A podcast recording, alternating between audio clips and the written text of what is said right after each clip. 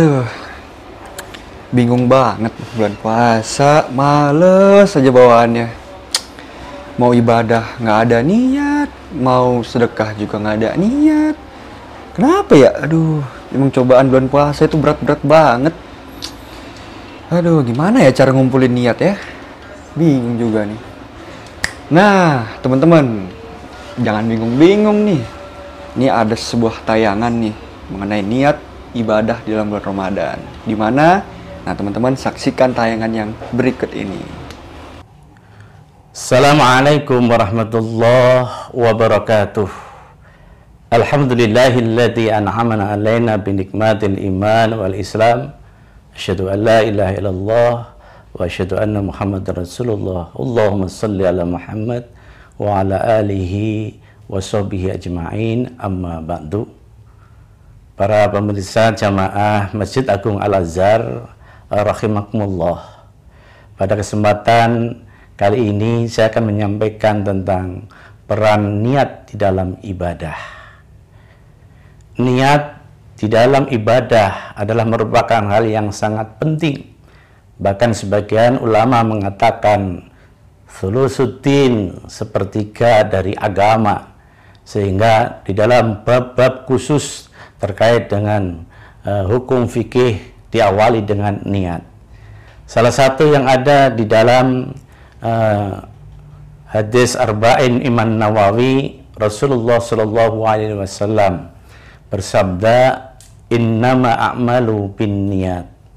Bahwa sesungguhnya amal itu adalah tergantung niat. Wa innama likulli nawa. Dan setiap seseorang akan memperoleh sesuai dengan niat yang dia lakukan dalam dirinya. Faman hijratuhu ilallah war rasul fa hijratuhu ilallah war rasul. Barang siapa yang hijrahnya karena Allah dan Rasul, maka dia akan mendapatkan pahalanya, hijrahnya kepada Allah dan Rasulnya. Kemudian wa man kana hijratuhu lidunya wa au imra'atin tunkihuha fa hijratuhu la hajjara ilaihi ma hajjara ilaihi. Tetapi ketika mereka hijrahnya karena dunia dan sesuatu yang diharapkannya atau ingin mendapatkan istri yang untuk dinikahinya, maka dia akan mendapatkan sesuai dengan apa yang diniatkan itu. Dari hadis ini bahwa niat sangat menentukan perannya di dalam ibadah. Karena amal kita ini menjadi ibadah atau tidak, itu adalah tergantung kepada niatnya. Setiap aktivitas yang diikuti dengan niat, niat tentunya adalah karena Allah Subhanahu wa taala, maka dia menjadi ibadah. Namun sebaliknya tidak ada niat di dalamnya, aktivitas yang kita lakukan maka menjadi satu rutinitas dan kebiasaan sehari-hari saja.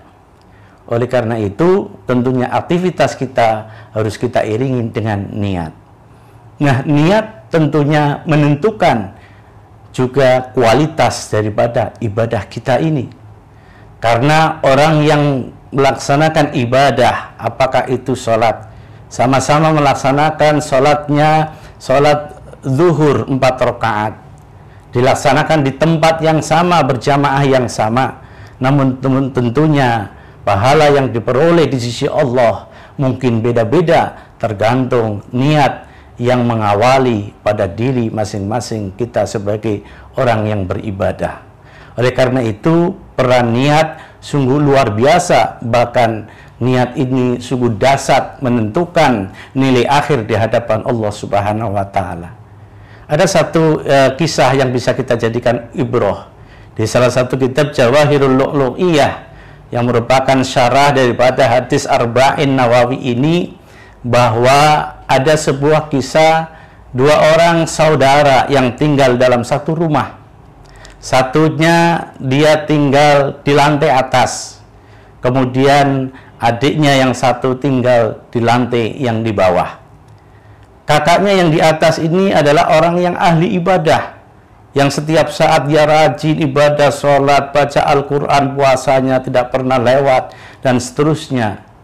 namun satu sisi adiknya adalah pelaku maksiat yang luar biasa.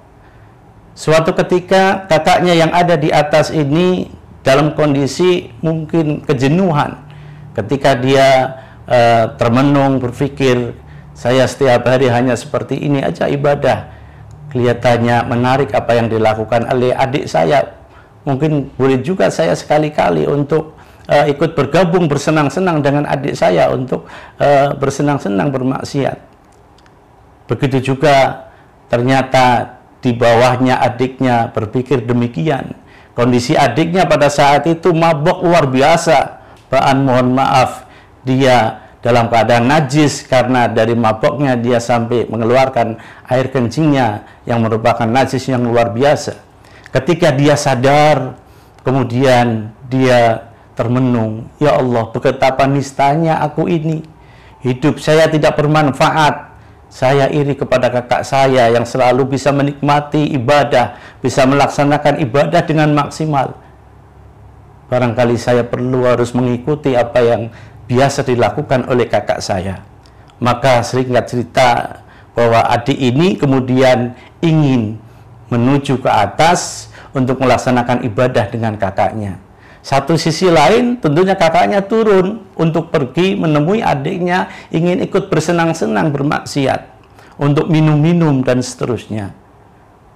Qadarullah ketika mereka turun melalui tangga begitu juga adiknya naik ke tangga maka tangganya pada saat itu rusak kemudian roboh kedua-duanya jatuh saling menindih kemudian dua-duanya dalam keadaan meninggal oleh Allah Subhanahu wa taala kondisi ini kemudian kakaknya dibangkitkan kematiannya dicatat sebagai orang yang melaksanakan maksiat. Tetapi sebaliknya adiknya dibangkitkan dalam keadaan dia sebagai ahli ibadah. Kenapa? Karena dia menuju arah untuk melaksanakan keinginannya beribadah kepada Allah Subhanahu wa taala. Dan sebaliknya nahasnya kakaknya dia dalam keadaan menuju untuk melakukan perbuatan maksiat, maka dia dicatat menjadi seorang pelaku maksiat.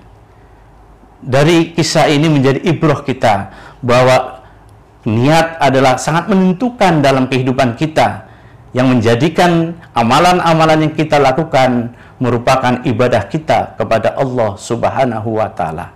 Oleh karena itu, mari setiap kita harus memasang niat sebaik-baiknya dengan diikuti keikhlasan dan menentukan target-target dalam kehidupan kita sehingga waktu yang kita lalui, yang kita laksanakan bisa kita meningkatkan derajat kita, ibadah kita kepada Allah Subhanahu wa taala karena kekuatan niat yang ada di dalam hati kita.